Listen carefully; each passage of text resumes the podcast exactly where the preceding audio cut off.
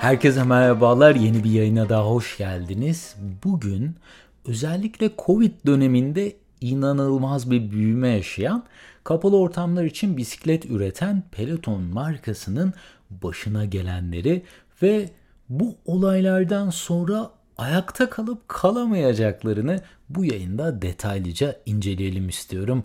İsterseniz buyurun daha fazla beklemeden hemen konunun detaylarına geçelim. Bu arada yaptığım yayınları beğeniyor ve yeni yayınları kaçırmak istemiyorsanız dinlediğiniz platformlardan abone olarak tüm yayınlara anında ulaşabilir veya Patreon üzerinden bana destek olabilirsiniz. Peloton firması ilk olarak 2012 yılında hayatımıza girdi. Aslında ilk kurulduğunda herkes şu soruyu sormuştu. Peloton spor aletlerinin üzerine böyle bir ekran yerleştirip bu platforma kendi yazılımlarını yazıp yani bir interaktif bir sisteme çevirdiler. Yani herkes dedi ki yani normal bir bisikletten bunun farkı ne olabilir? Yani ner Gerçi şimdi bu Peloton'da şunlar farklılaştı. Artık nerede koşabileceğiniz, arka planda neyin olacağı, işte nasıl bir müzikle e, koşacağınız, ondan sonra kendi arkadaşlarınızla hatta bu yarışları yapabileceğiniz bir e, platform oluştur, oluşturuldu. Peki Peloton firması nasıl ortaya çıktı?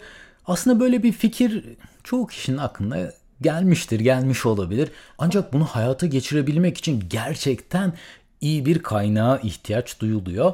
Eski bir yönetici CEO olan John Foley bu olayı Peloton'a ilk defa başlatmış. Amerika'da kitap dükkanı zincirleri olan Barn Nobles diye bir firma var. Bu firmada da e, John Foley yöneticiymiş ve spor salonuna da düzenli olarak giden bir kişiymiş kendisi. Fakat ne zamanki bir spor eğitmeniyle çalışsa yaptığı spordan çok daha büyük faydalar gördüğünü fark etmiş. 2013 senesinde ise John kendi ekibini oluşturmuş ve şunu hedeflemiş ya ben bu spor hocalarını acaba ev ortamına nasıl getirebilirim diye bir soru sormuş ve kendi ekibini kurup e, Kickstarter diye bir platform var. E, burada bir video hazırlamışlar. Bu Kickstarter platformunda girişimlerin e, yatırım aldıkları, yatırım topladıkları bir yer. Buradan 307 bin dolarlık bir yatırım toplamışlar ve 2014 yılında hızlarına hız katarak geliştirdikleri ürünleri artık tüketiciye sunmaya başlamışlar.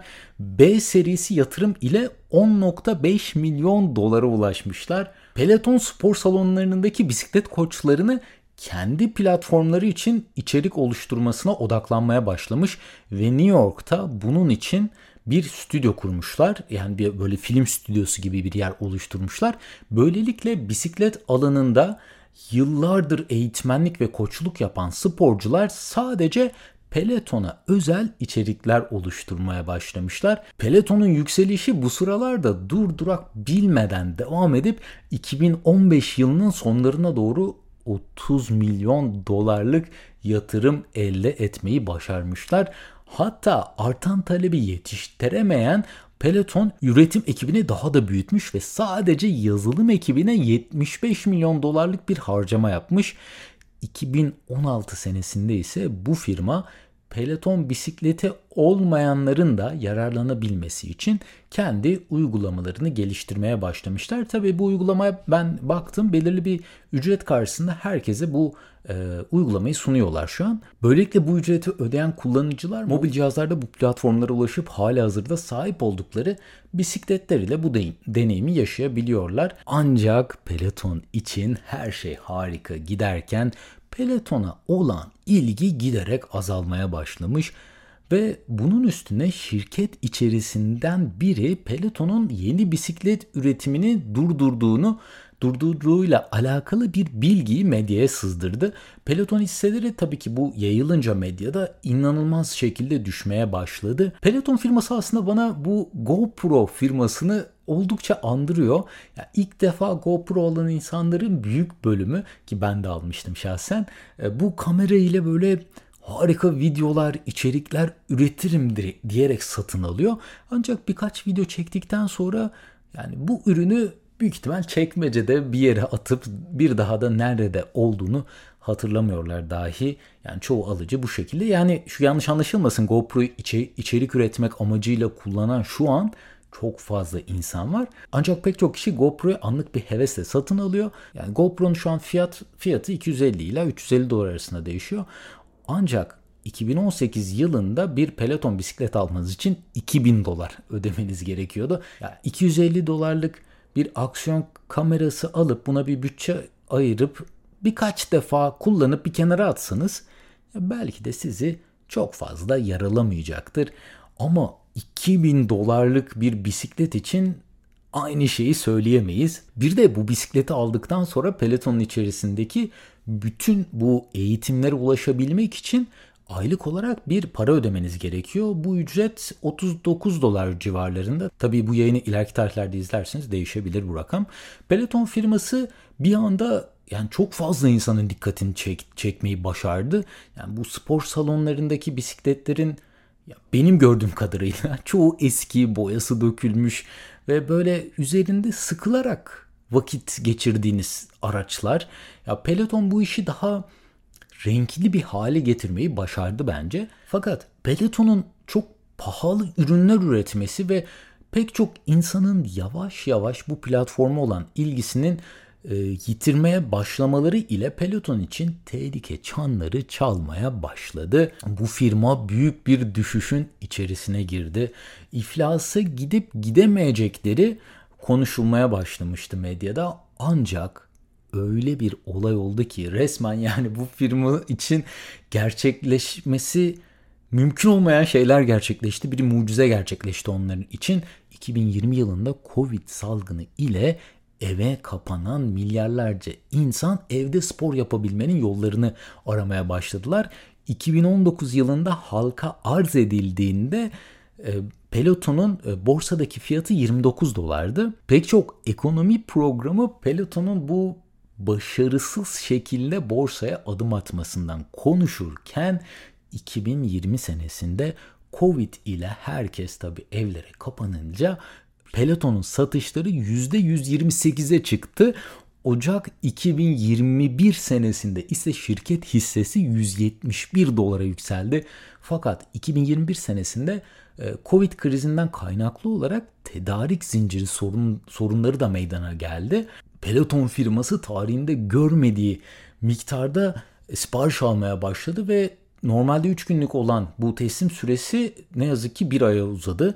Fakat bu ilerleyen süreçte artık teslim sürelerini verememeye başladılar. Peloton firması da bunun üzerine Precor adındaki bir üreticiyi 420 milyon dolara satın aldı. Sadece bu siparişleri yetiştirmek ve büyüyebilmek için. Ve bu sayede bunun üstesinden de gelebildi. E, bisikletlerin çoğunu teslim etti ama yani Covid'in öncesi, Covid sırasında ve sonrası çoğu firma bir roller coaster etkisi yaşadı ve Peloton da bence kesinlikle bunlardan bir tanesiydi. İlk olarak hayatın normale dönmesi ve spor salonlarının yeniden açılmasıyla beraber Peloton'a olan ilgi yeniden azalmaya başladı. Aslında tek sorun bu da değildi. Öte yandan bir insan yani en fazla bir adet bisiklet veyahut da bir tane koşu bandı alabiliyordu. Yani almayı tercih ediyordu. Peloton elindeki ürünleri bir kişiye bir defadan fazla kolay kolay aslında satamıyordu. Bunun üzerine aylık 20 dolara farklı kategorilerde eğitmen eşliğinde evde veya dışarıda spor yapabileceğiniz bir uygulama geliştirdiler. Ancak Peloton yani ev içi spor aleti üreten bir firma iken yazılımsal kısma daha çok kaymaya başladı bu sıralarda. Bu atılımlara rağmen Peloton her geçen gün değer kaybetmeye devam etti. Bu sorunlar yetmezmiş gibi bir de National Music Publisher Association'ın Peloton'un kullandığı binlerce müziğin lisanssız olduğunu buldu bu esnada ve tam 300 milyon dolarlık bir dava ile Peloton'u mahkemeye verdi. Peloton bu müzikleri kendi platformundan kaldırmak zorunda kaldı tabii ki mahkeme kararıyla ve bu müzikler kaldırılınca da favorilerindeki çoğu kullanıcı favorilerine girince bu müzikleri bulamadılar. Bu da büyük bir tabii ki şok etkisi yarattı. Ayrıca bu davanın sonunda da belirli bir miktar ödemede yapılmış. Tabi bu miktarın ne kadar olduğunu ben internette aradım ama bulamadım. Firmanın kara günleri bir türlü geçmiyormuş. 7 yaşında bir çocuk bu koşu bandını kullanmaya çalışırken ne yazık ki hayatını kaybetmiş ve bu aile pelotonu dava etmiş bunun üzerine. Ayrıca bu gündeme gelince de 70 adet yaralanma olduğu da ortaya çıkmış bu sayede. Bunun ardından 125 bin adet koşu bandı geri çağrılmış. Bununla bitti mi? Ne yazık ki hayır. Sex and the City diye bir dizi var biliyorsunuzdur. Orada Mr. Big karakteri peloton bisikleti sürerken kalp krizi geçirip hayatını kaybediyor. Ve ya bu bir dizi aslında yani gerçeklikle hiçbir alakası yok ama bunun üzerine firma hisseleri bu bölüm yayınlandıktan sonra firma hisseleri bir gün içerisinde %11 değer kaybetmiş. Peloton üst üste aldığı tüm bu darbelere rağmen yine de yıkılmamış. 2021 yılında e, sattıkları ürünlerin fiyatlarını %20 daha aşağı çekebilmek için bazı geliştirmeler, ürünlerindeki bazı tasarım değişiklikleri gibi e, değişimler yapmışlar. Şu an en ucuz Peloton bisiklet 1445 dolar. Koşu bandı ve kürek makinesi de 2995 dolara satılıyor. Peloton'un ücretsiz bir uygulaması var. Şu an her platformda da desteği var ayrıca.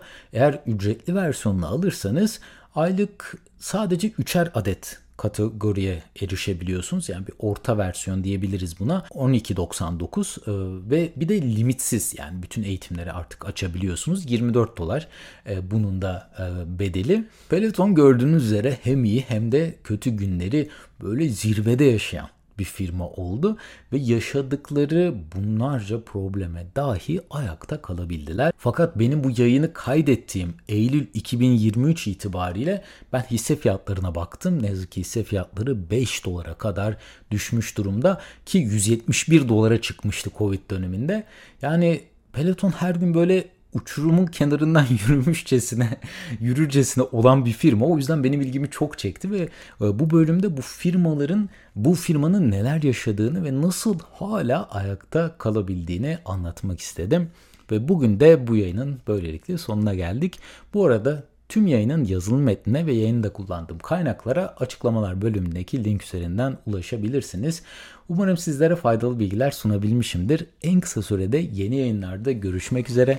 Kendinize çok iyi bakın. Hoşçakalın.